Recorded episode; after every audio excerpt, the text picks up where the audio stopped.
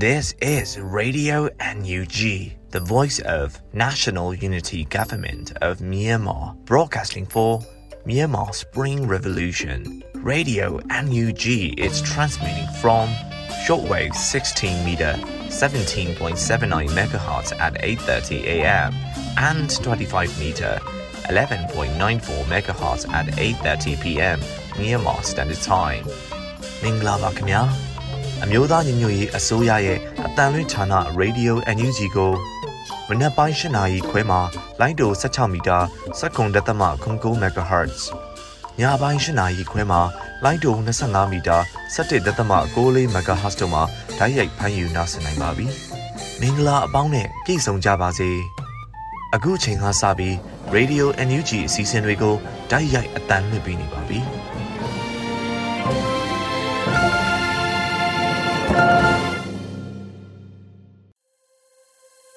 မင်္ဂလာနံနက်ခင်းပါရှင်ရေဒီယို NUG ကိုနားဆင်နေကြတဲ့မိဘပြည်သူများနဲ့မြန်မာနိုင်ငံသူနိုင်ငံသားအပေါင်းတဘာဝဘေးစစ်အာဏာရှင်ဘေးတို့ကနေကင်းဝေးပြီးကိုစိတ်နှပါဘေးကင်းရန်ကွာရှိကြပါစေလို့ရေဒီယို NUG ဝိုင်းတော်သားများကဆုတောင်းမြတ်တာပို့တာအပ်ပါတယ်ရေဒီယို NUG ရဲ့ဇန်နဝါရီလ3ရက်နေ့မနက်ခင်းအစီအစဉ်တွေကိုတင်ဆက်ပေးတော့မှာဖြစ်ပါတယ်အခုပထမအဦးဆုံးအနေနဲ့ကာကွယ်ရေးဝန်ကြီးဌာနရဲ့စီရေးသတင်းအချင်းချုပ်ကိုတော့မျိုးဦးမိုးမှဖတ်ကြားတင်ပြပေးတော့မှာဖြစ်ပါတယ် မင်္ဂလာပါခင်ဗျာအမျိုးသားညီညွတ်ရေးအစိုးရကာကွယ်ရေးဝန်ကြီးဌာနမှထုတ်ဝေသောနိုင်စဉ်စည်ရေးသတင်းအကျဉ်းချုပ်များကိုတင်ပြတော့ပါမယ်။ယနေ့တနင်္ဂနွေလုံးတိုင်းတာနေနဲ့ရန်သူတပ်သား73ဦးသေဆုံးပြီးရန်သူတပ်သားစုံစမ်းဆဲဒဏ်ရာရရှိခဲ့ပါတယ်။ပထမဆုံးအနေနဲ့အကြမ်းဖက်စစ်ကောင်စီတပ်နဲ့တိုက်ပွဲဖြစ်ပွားမှုများကိုတင်ပြသွားပါမယ်။ချင်းပြည်နယ်တွင်ဇန်နဝါရီလ1ရက်နေ့မနက်10:30မိနစ်ခန့်က တေးတိမ်မြို့နယ်တွင်တက်အပြောင်းလဲကိုအကြောင်းပြပြီးစင်းနေမြေအတွင်းခြေတက်လာသောရန်သူတပ်သားများကို MEDF နှင့် Civil Defense Militia CDM စီရင်ပူပေါင်းအဖွဲ့တက်ခတ်ခဲ့ရာရန်သူတပ်မှနှစ်ဦးသေဆုံးပြီးဒဏ်ရာရရှိသူအများအပြားဖြင့်ကလေးမျိုးဘက်သို့တော်လန်အတိုင်းပြန်လည်ဆုတ်ခွာသွားကြောင်းသိရပါတယ်ခင်ဗျာမုံပြည်နယ်တွင်ဇန်နဝါရီလ2ရက်နေ့မနက်၈နာရီခန့်ကရေးမြို့နယ် ကျုံလောင်းရွာဟောင်းအနီးရှိမိုက်တဲတာဝါတိုင်အားရေဘလူအဖွဲ့မှဖောက်ခွဲတိုက်ခတ်ခဲ့ပြီးနောက်တာဝါတိုင်စီတို့စစ်ကြောင်းတက်လာသည့်ရန်သူတအားရေဘလူအဖွဲ့ကကြားဖြတ်တိုက်ခတ်ခဲ့ရာရန်သူတပ်သား9ဦးခန့်သေဆုံးခဲ့ကြောင်းသိရပါတယ်။စကိုင်းတိုင်းတွင်ဇန်နဝါရီလ2ရက်နေ့နေ့လယ်12:50မိနစ်ခန့်မှ2နာရီအထိခင်ဦးမြို့နယ်ရောင်သွားအိုင်ကြီးရွာနှင့်ထနောင်းကိုင်းလေးလန်းစုံကြားရွှေဘိုမြကြီးနားလမ်းပေါ်တွင် အလဲရှိုကြီးရွာမှပြန်လည်ထွက်ခွာလာသောရန်သူတပ်သားပြူစောထိပါကားလေးစီးကိုပြည်သူ့ကာကွယ်ရေးတပ်မတော်ရွှေဘုံခရိုင်တပ်ရင်းမြို့နယ်ပလဖရောင်နီပြောက်ကြားရက်ကျေးပကဖ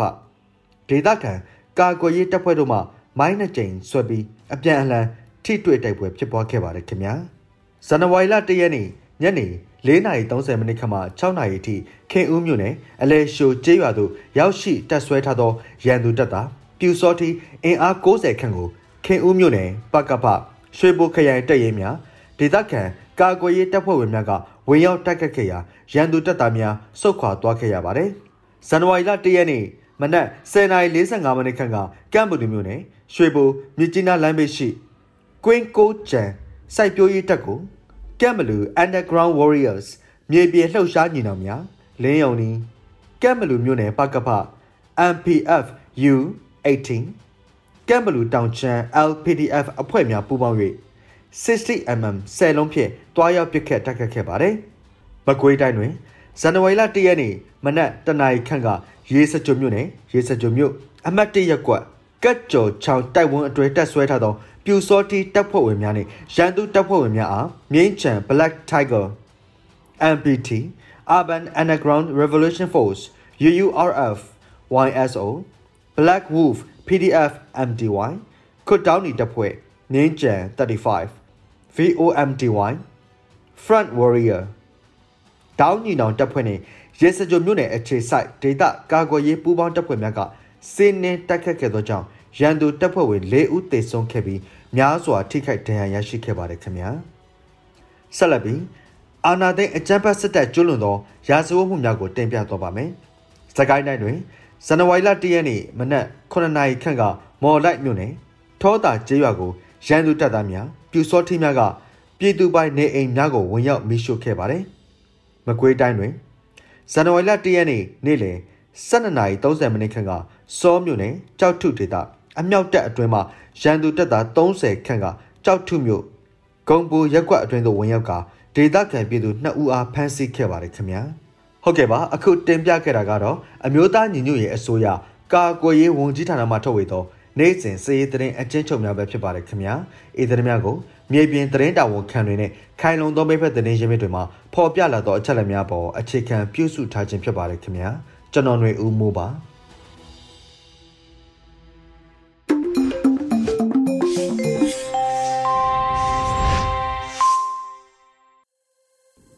အခုဆက်လက်ပြီး Radio NUG ရဲ့နောက်ဆုံးရသတင်းများကိုတော့လွတ်လပ်နေဦးမှတင်ပြပေးမှာဖြစ်ပါတယ်ရှင်။2023ခုနှစ်ဇန်နဝါရီလ3ရက်နေ့ Radio UNG ရဲ့မနက်ခင်းပြည်တွင်သတင်းများကိုစတင်ဖတ်ကြားပါတော့မယ်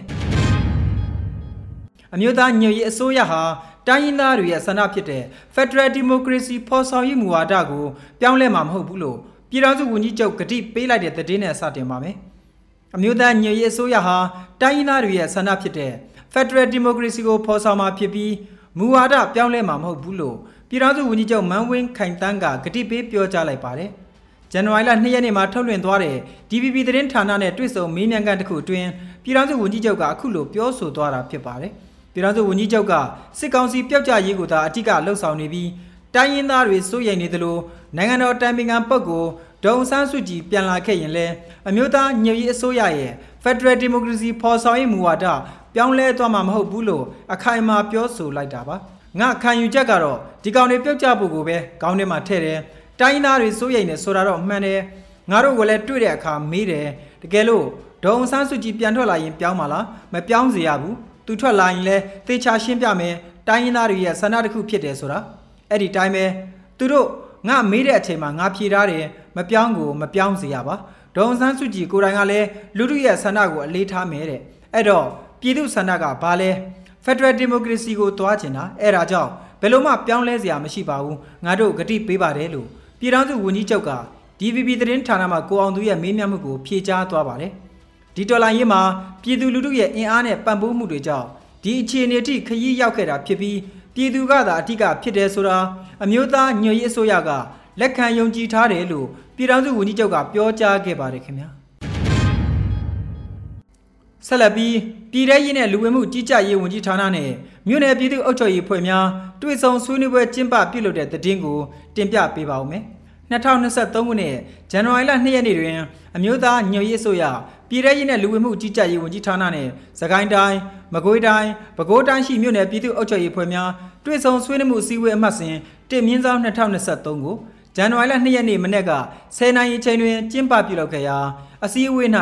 ပြည်ထရေးနဲ့လူဝင်မှုကြီးကြပ်ရေးဝန်ကြီးဌာနဒုဝန်ကြီးခုထဲဘူးမှအဖွင့်မှာစကားပြောကြားပါတယ်ဆက်လက်၍လုပ်ငန်းများကိုအကောင့်ထဲပေါ်ရတွင် အချက်ဆက်မိမိဖြစ်အကောင့်ထဲပေါ်ဆောင်ရွက်ကြမှာဖြစ်ကြောင်းတော်လိုင်းကြီးတွင်အားလုံးစုစည်းပြီးပါဝင်လာကြသည့်အတွက်များစွာအားတက်မိကြောင်းမြေပြင်လုပ်ငန်းများနဲ့ပတ်သက်၍လည်းဆွေးနွေးပြောကြားသွားရန်ဖြစ်ကြောင်းအချင်းချင်းပေါင်းစပ်ညှိနှိုင်းပြီးတည်င်းအချက်လက်များမျှဝေဆောင်ရွက်ကြရန်လိုကြောင်းတော်လိုင်းကြီးတွင်တက်ညီလက်ညီဖြစ်အားလုံးပူးပေါင်းဆောင်ရွက်ကြရန်ဖြစ်ကြောင်းတို့ကို ပြောကြားခဲ့ပါတယ်။ဆက်လက်၍ပြည်ထရေးနဲ့လူဝင်မှုကြီးကြပ်ရေးဝန်ကြီးဌာနပြည်သူ့အုပ်ချုပ်ရေးဦးစီးဌာနတာဝန်ရှိသူမှဌာန၏လုပ်ငန်းဆောင်ရွက်ချက်များနဲ့ပတ်သက်၍ရှင်းလင်းပြောကြားခဲ့ပြီးနောက်တက်ရောက်လာသောမြို့နယ်ပအဖအဖွဲ့ဝင်များကမြေပြင်အုပ်ချုပ်ရေးဆောင်ရွက်နေမှုများကြုံတွေ့နေရသည့်အခက်အခဲများနဲ့လိုအပ်ချက်များစသည်တို့ကိုရှင်းလင်းတင်ပြပြီးမူဝါဒပိုင်းဆိုင်ရာသိရှိလိုသည့်များအားမေးမြန်းကြကဝန်ကြီးဌာနမှသက်ဆိုင်ရာတာဝန်ရှိသူများကပြန်လည်ဖြေကြားခဲ့ပါတယ်။အစည်းအဝေးသို့ဒုဝန်ကြီးခုထဲဘူးမှဦးဆောင်က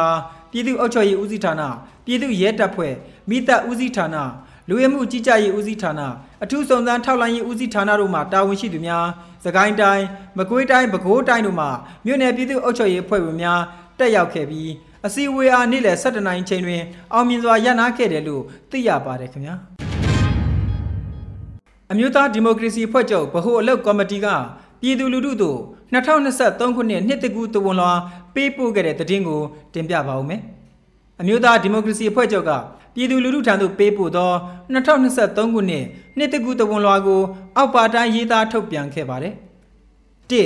2022ခုနှစ်ကုန်ဆုံးပြီး2023ခုနှစ်သို့ကူးပြောင်းသည့်အခါသမယ၌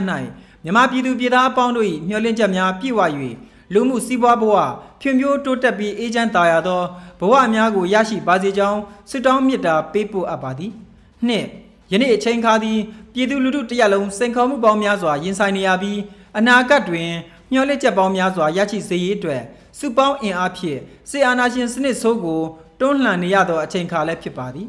၃1988ခုနှစ်ပြည်သူ့ရေးတော်မိုးကြီးမှပေါက်ဖွာလာသောအမျိုးသားဒီမိုကရေစီအဖွဲ့ချုပ်သည် ပြည်သူလူထုအကျိုးစီးပွားကိုသာထားဝစဉ်ဥထိပ်ပန်ဆင်ထားသော ပါတီဖြစ်ပါသည်၄ပါတီစတင်တည်ထောင်ခဲ့ချိန်မှယနေ့တိုင်နိုင်ငံတော်ဝန်မှီတင်းနေထိုင်ကြသောတိုင်းရင်းသားပြည်သူတရလုံးမျှော်မှန်းထားရှိခဲ့သည့်ဒီမိုကရေစီရေးလူအခွင့်ရေးဖက်ဒရယ်ပြည်ထောင်စုတည်ဆောက်နိုင်ရေးတို့အတွက်ကြိုးပမ်းဆောင်ရွက်ရာတွင်ကြုံလာသမျှအခက်ခဲဘေးအန္တရာယ်မှန်သမျှတို့ကိုမတွတ်မဆုပ်ကြံ့ကြံ့ခံရင်ဆိုင်ကြော်ဖြတ်ခဲ့ပါသည်ငါရခင်ထက်ပုံမူဆိုးရွားစွာရင်ဆိုင်နေရသော ယနေ့ကာလတွင်လည်းအမျိုးသားဒီမိုကရေစီအဖွဲ့ချုပ်သည်ချမှတ်ထားပြီးသောမူဝါဒများလက်တွေ့ကျသောလုပ်ငန်းစဉ်များကို ပါတီဝင်အသီးသီးကရောက်ရှိရာနေရာတွင်ကြာရာတာဝန်များကိုဥလည်မတုံထမ်းရွက်လျက်ရှိပါသည်6တိုင်းနာပြည်သူလူထုတရက်လုံး၏ရင်မှန်းချက်ပြည့်ဝစေရန်အတွက်ဆီအာနာရှင်စနစ်ချုပ်ငင်းရေးနဲ့ Federal Democracy ပြည်ထောင်စုတည်ဆောက်သွားရန်အမျိုးသားဒီမိုကရေစီအဖွဲ့ချုပ်အနေဖြင့်မူဝါဒချမှတ်ပြီးနိုင်ငံရေးအင်အားစုအသီးသီးနဲ့ ဒန်းတူညီမျှလက်တွဲ၍ဆောင်ရွက်လျက်ရှိပါကြောင်းနှစ်သိကူးဆုတောင်းတဲ့တူတည်င်းစကားပါအပ်ပါသည်ဗဟိုအလုပ်ကော်မတီအမျိုးသားဒီမိုကရေစီအဖွဲ့ချုပ်ဟူ၍ပြည်သူလူထုထံသို့ရေးသားပေးပို့သောတပွန်လွှာမှာဖော်ပြပါရှိပါတယ်ခင်ဗျာလောင်လုံးရဲစခန်းမှာရဲနဲ့စစ်သားအချင်းချင်းပြစ်ခတ်မှုဖြစ်ပြီးတအူးသေးဆုံးတအူးဒဏ်ရာရတဲ့တည်င်းကိုတင်ပြပါဦးမယ်တနင်္သာရီတိုင်းလောင်လုံမြို့နယ်ရဲစခန်းမှာဇန်နဝါရီလ၁ရက်နေ့ညက ရဲနဲ့စစ်ကောင်စီတပ်သားအချင်းချင်းပြစ်ခတ်မှုဖြစ်ပွားပြီးတအူးသေဆုံးကတအူးဒဏ်ရာရရှိခဲ့တယ်လို့မြို့ကန်တွေထံမှသိရှိရပါတယ်။ည၈နိုင်ခွဲလောက်မှာရဲစခန်းတွေကနေတနက်ပစ်တံတွေ၅ချက်ကဆက်တိုက်ကြားရတာကြောင့်အချင်းချင်းပြစ်ခတ်မှုဖြစ်ပွားကြောင်းသိရပြီးဒီနေ့မနက်မှထိခိုက်မှုကိုသိရှိရတာပါလို့ဒေသခံများကပြောပါတယ်။ပြည်တန်ကတိုက်ဆိုင်နေတဲ့အချိန်ဆိုတော့ဟိန်းနေတာပဲ ပြည်တန်ကြားပြီးတာနဲ့အော်တန်တွေရန်ဖြစ်တန်တွေဆဲဆိုတန်တွေခတ်ဝေးဝေးကတော့ကြားရတယ်။စကန်းတစ်ခုလုံးစူညံနေတာပဲလို့လောင်းလုံမြို့ကန်တူကပြောပါတယ်။အဲ့ဒီနောက်မှာအရေးပေါ်လူနာတင်ကားတစ်စီးရောက်ခဲ့ပြီးရဲစခန်းကဗီဂိုတစ်စီးနဲ့တေဆုံးသူနဲ့ဒဏ်ရာရသူကိုတင်ဆောင်ပြီးတဝဲဘက်ကိုအချိန်ပြင်းမောင်းနှင်သွားတယ်လို့သိရပါတယ်။ပြစ်ခတ်ခံရသူဟာရဲလားစစ်ကောင်စီတပ်သားလားဆိုတာမသိရသေးသလိုဒဏ်ရာရရှိသူရဲ့နောက်ဆက်တွဲအခြေအနေကိုလည်းမသိရပါဘူး။ လောင်လုံရဲစခန်းမှာစစ်ကောင်စီတပ်သားနဲ့ရဲစုစုပေါင်း30ဝန်းကျင်ရှိပြီးပြူစောတိအဖွဲ့ဝင်တွေလည်းလာရောက်နေထိုင်တာဝင်ထွက်သွားလာတာမျိုးရှိပါတယ်။တနင်္ဂနွေလုံးအနှံ့မှာပြည်သူခုခံတွန်းလှန်စစ်များဖြစ်ပေါ်လျက်ရှိနေပြီးတနင်္သာရီတိုင်းလောင်းလုံမြို့နယ်တွင်လည်းပြည်သူ့ကာကွယ်ရေးတပ်ဖွဲ့ဝင်များနဲ့စစ်ကောင်စီတို့မကြာခဏဆိုသလိုတိုက်ပွဲပြင်းထန်ရာဒေသတစ်ခုဖြစ်ပါတယ်။အာနာသိန်းနှစ်နှစ်နီးပါးကာလအတွင်းတနင်္သာရီတိုင်းတွင်မှာတေဆုံးသူအရသားအရေအတွက် 331ယောက်ရှိခဲ့ပြီးထိခိုက်ဒဏ်ရာရသူအရေအတွက်129ယောက်ရှိခဲ့ပြီဖြစ်တယ်လို့ဒေသခံသတင်းရင်းမြစ်တွေထမှသိရှိရပါတယ်ခင်ဗျာ။အာနာသိန်းပြီး23လအကြာမှာလူပေါင်း16000ကျော်ဖမ်းခံခဲ့ရပြီး3000ကျော်သာပြန်လွတ်ခဲ့ပါတယ်လို့ AAP စည်းရင်းများကဖော်ပြပါတယ်။ဆီအာနာသိမ်းပြီးနောက်လက်တလောဖြစ်ပေါ်လျက်ရှိသောအခြေအနေများနဲ့ပတ်သက်၍နိုင်ငံရေးအကျဉ်းသားများကုညီဆောက်ရှောက်ရေးအသင်း AAPP ရဲ့ ဇန်နဝါရီလ2ရက်နေ့ထုတ်ပြန်ချက်အကျဉ်းချုပ်အရသိရတာပါစစ်ကောင်စီကြောင့်စုစုပေါင်းတေဆုံးသူ2688ဦးရှိခဲ့ပြီဖြစ်ပြီးထိုအနက်ကမှစကိုင်းတိုင်းက1000ကျော်ပါဝင်ပါတယ်ခလေးပေါင်း284ဦးသေဆုံးခဲ့ပြီးစကိုင်းတိုင်းဟာစုစုပေါင်းသေဆုံးမှုရဲ့10တက်သမ300ရာခိုင်နှုန်းရှိတယ်လို့ AAPP စည်ရင်းများကဆိုပါတယ်။ဖော်ပြပါကိန်းဂဏရေတွက်များသည် AAPP မှကောက်ယူရရှိထားသည့်အရေတွက်ဖြစ်ပြီးမြေပြင်တွင်ဖြစ်ပွားနေသည့်အချက်လက်နဲ့ ကိန်းဂဏအရေတွက်များမှာယခုထက်ပိုမိုများပြားနိုင်ပါတယ်လို့ AAPP ကထုတ်ပြန်ထားတာသိရှိရပါတယ်ခင်ဗျာ။သောတာရှင်များခင်ဗျာယခုတင်ပြပေးခဲ့တဲ့သတင်းတွေကိုဝန်ကြီးဌာနများနဲ့မိဖက်သတင်းရင်းမြစ်တွေကိုအခြေခံပြီးရေဒီယို UNG သတင်းတောက်လွတ်လပ်ຫນွေဦးကပေးပို့တာဖြစ်ပါတယ်ခင်ဗျာ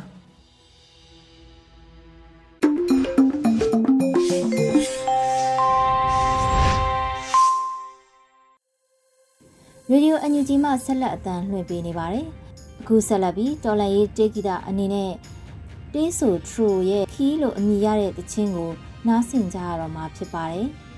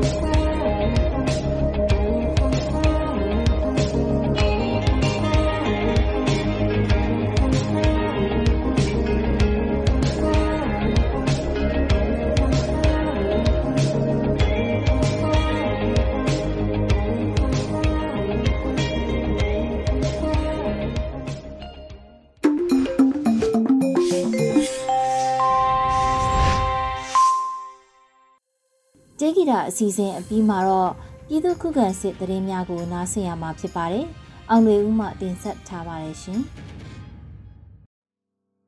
ပထမဦးစွာထိကြိုင်တွင်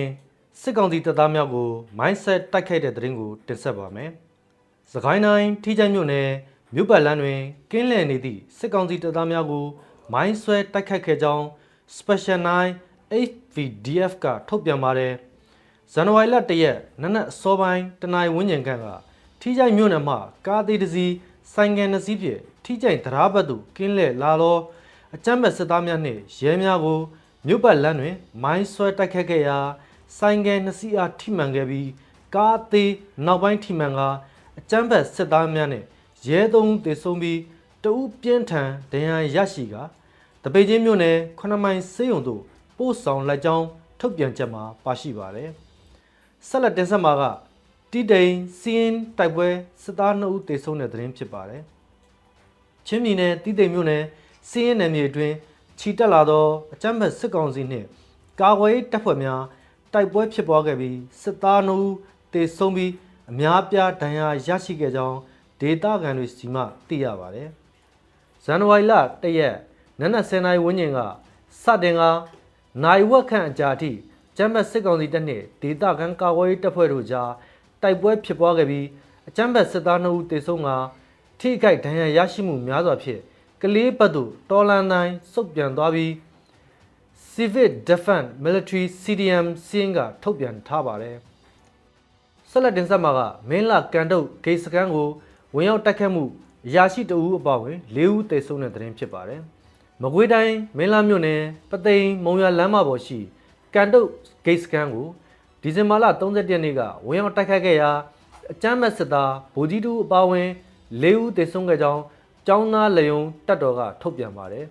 ။ဒီဇင်ဘာ31ရက်နနက်6နာရီခန့်ကအကြမ်းမဲ့စစ်သားများတပ်ဆွဲထားရာကန်ထုတ်ဂိတ်စကန်ကို Student Army Force ကျောင်းသားလေယုံတပ်တော်မှနိုင်ဝက်ခန့်အကြာအနိကဝင်ရောက်တိုက်ခိုက်ခဲ့ခြင်းဖြစ်ပြီးအကြမ်းမဲ့စစ်သား3ဦးနေရာတွင်တေဆုံးကဘန်ဂါဒေ့ရှိဘူဝီတူမှ 1 byte ကြည်ထိမှန်တန်ရာဖြင့်နောက်ပိုင်းတွင်တေဆုံးသွားကြောင်းကြံတပ်သားတဦးလည်းအပြင်းထန်ဒဏ်ရာရရှိခဲ့ကြောင်း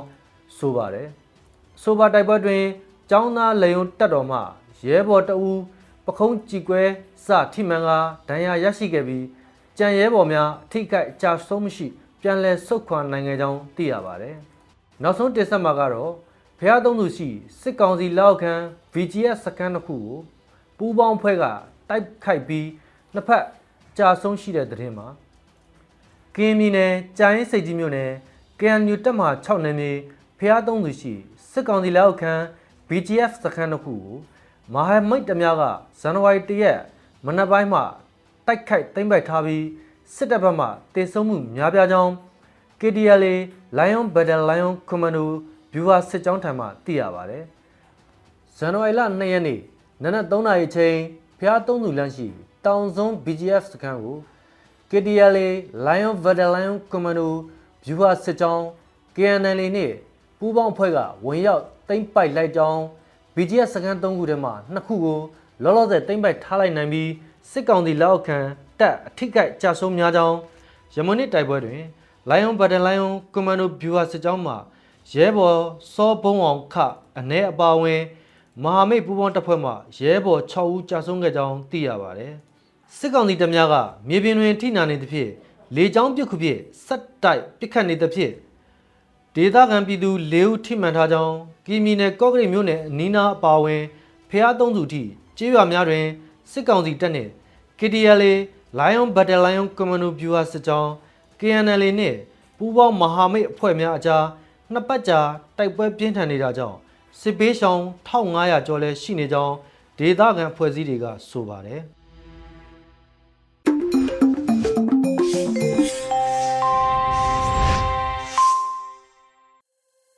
ဆက်လက်ပြီး PPTV ရဲ့နေ့စဉ်သတင်းများကိုတော့ထက်ထက်အင်ဒရာအောင်မှတင်ပြပေးမှာဖြစ်ပါတယ်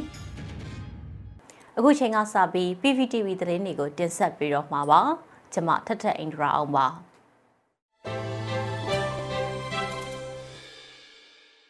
ပထမဆုံးတင်ဆက်ပေးမယ့်သတင်းကတော့အမျိုးသားညီညွတ်ရေးတိုင်ပင်ခံကောင်စီနဲ့အမျိုးသားညီညွတ်ရေးအစိုးရတို့ကပြည်သူ့တော်လှန်ရေးဆိုင်ရာနှစ်သစ်ကူပူးရဲကြေညာချက်ထုတ်ပြန်လိုက်တဲ့သတင်းပါ။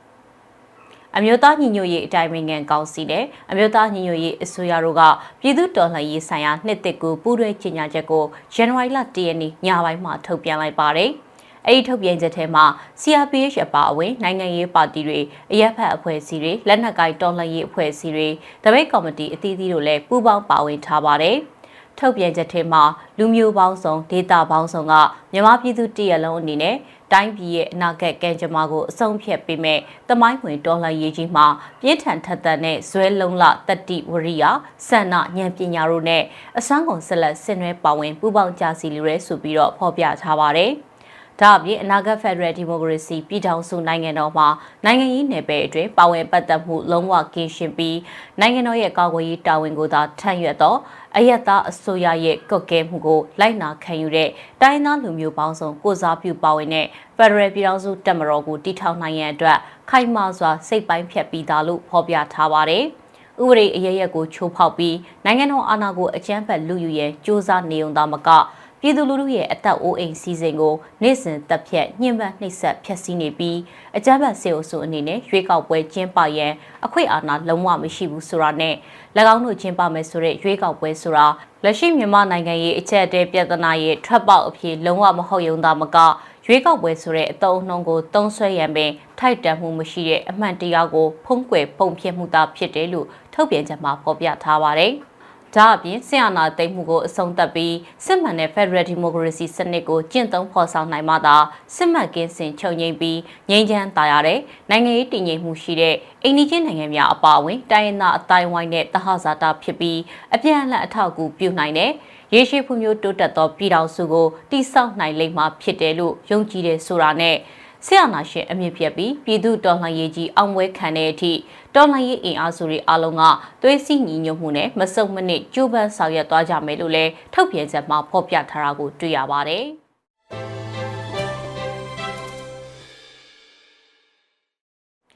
ဆလတ်တင်ဆက်ပေးမှာကတော့အကြမ်းဖက်စစ်တပ်ကိုခြေမှုန်းနိုင်တဲ့အင်အားရှိပြီးဖြစ်ပြီးလို့2023ခုနှစ်မှာတော်လှန်ရေးအစုံဖြည့်ယူမယ်လို့ကာကွယ်ရေးဝန်ကြီးဦးယူမောပြောကြားလိုက်တဲ့တဲ့မှာ တော်လှန်ရေးမှာအကြမ်းဖက်စစ်ကောင်စီကိုခြေမုံအနိုင်ယူနိုင်တဲ့လုံလောက်တဲ့အင်အားရှိပြီဖြစ်လို့2023ခုနှစ်ဟာတော်လှန်ရေးအဆုံးအဖြတ်ယူရမယ့်နှစ်ဖြစ်ကြောင်းအမျိုးသားညီညွတ်ရေးအစိုးရကာကွယ်ရေးဝန်ကြီးဌာနပြည်ထောင်စုဝန်ကြီးဦးရီမွန်ကပြောကြားလိုက်ပါတယ်။ပြည်သူထောက်ခံပါဝင်မှုနဲ့ဆင်နွှဲနေတဲ့ဒီတော်လှန်ရေးဟာလူအင်အားအရာအထူးပြောစရာမလိုပဲအရေးအတွက်အင်အားကိုအရေးချင်းအင်အားဖြစ်ဖို့ပဲအာရုံစိုက်ကြဖို့ရန်ကုန်ငွေအင်အားအနေနဲ့လည်းပြည်သူလူထုရဲ့အဆက်မပြတ်ထောက်ပံ့လှူဒန်းမှုကြောင့် မျှော်လင့်တာထက်တာလွန်တဲ့ရန်ကုန်ငွေပမာဏတစ်ခုကိုရရှိထားပြီးဖြစ်တယ်ဆိုတာကိုပြောကြားခဲ့ပါတယ်။ဒီရမငွေအင်အားကိုအသုံးပြုပြီးလက်နက်အင်အားဖြည့်တင်းနေသလိုအမျိုးသားညီညွတ်ရေးအစိုးရအနေနဲ့ PDF တပ်ရင်းတိုင်းကိုလက်နက်တပ်ဆင်ပေးနိုင်ဖို့ပောက်ကဖာတွေကိုလည်းထိုက်တဲ့လက်နက်တိုးချဲ့တပ်ဆင်ပေးဖို့အဆင့်တစိုက်စီစဉ်ဆောင်ရွက်နေတယ်လို့လည်းပြောပါတယ်။ ဒါကြောင့်ဒီနှစ်အတွင်းတော်လှန်ရေးရဲ့အဆုံးဖြတ်ကိုရယူဖို့အမျိုးသားညီညွတ်ရေးအစိုးရနဲ့မဟာမိတ်များစိတ်ပိုင်းပြတ်ထားပြီးဖြစ်တယ်လို့ဒီအတွက် one year plan ကိုရေးဆွဲအကောင့်ထဲပေါ်နေတယ်ဆိုပြီး January လ1ရက်နေ့နှစ်တကူမိန့်ခွန်းမှာပြောကြားခဲ့တာဖြစ်ပါတယ်။ပြည်သူတော်လှန်ရေးအတွင်းအသက်နဲ့ဘဝတွေကိုဆွန့်လွတ်ထားခဲ့တဲ့ပြည်သူကာကွယ်ရေးတပ်ဖွဲ့ဝင်တွေရင်းနှီးပေးဆက်မှုတွေအတွက်အမျိုးသားညီညွတ်ရေးအစိုးရကိုစားဂုဏ်ပြုဥညွတ်တယ်လို့လည်းဝန်ကြီးကပြောပါတယ်။ ဒါအပြင်စစ်မြေပြင်မှာကြာဆုံးတရားရခဲ့တဲ့ရဲဘော်တွေနေဦးတော်လှန်ရေးအစလမ်းမတွေပေါ်မှာသွေးမြေကြခဲ့တဲ့ရဲဘော်တွေအကျဉ်းထောင်နဲ့စစ်ကြောရေးစခန်းတွေအတွင်းရရဆက်ဆက်တပ်ဖြတ်ခံရတဲ့ညီအကိုတွေအားလုံးဟာပြည်သူသူရဲကောင်းတွေပဲဖြစ်လို့သူတို့အားလုံးကိုအစင်အမြဲအမှတ်တရရှိနေမယ်လို့မိန့်ခွန်းမှာပြောကြားထားပါတယ်။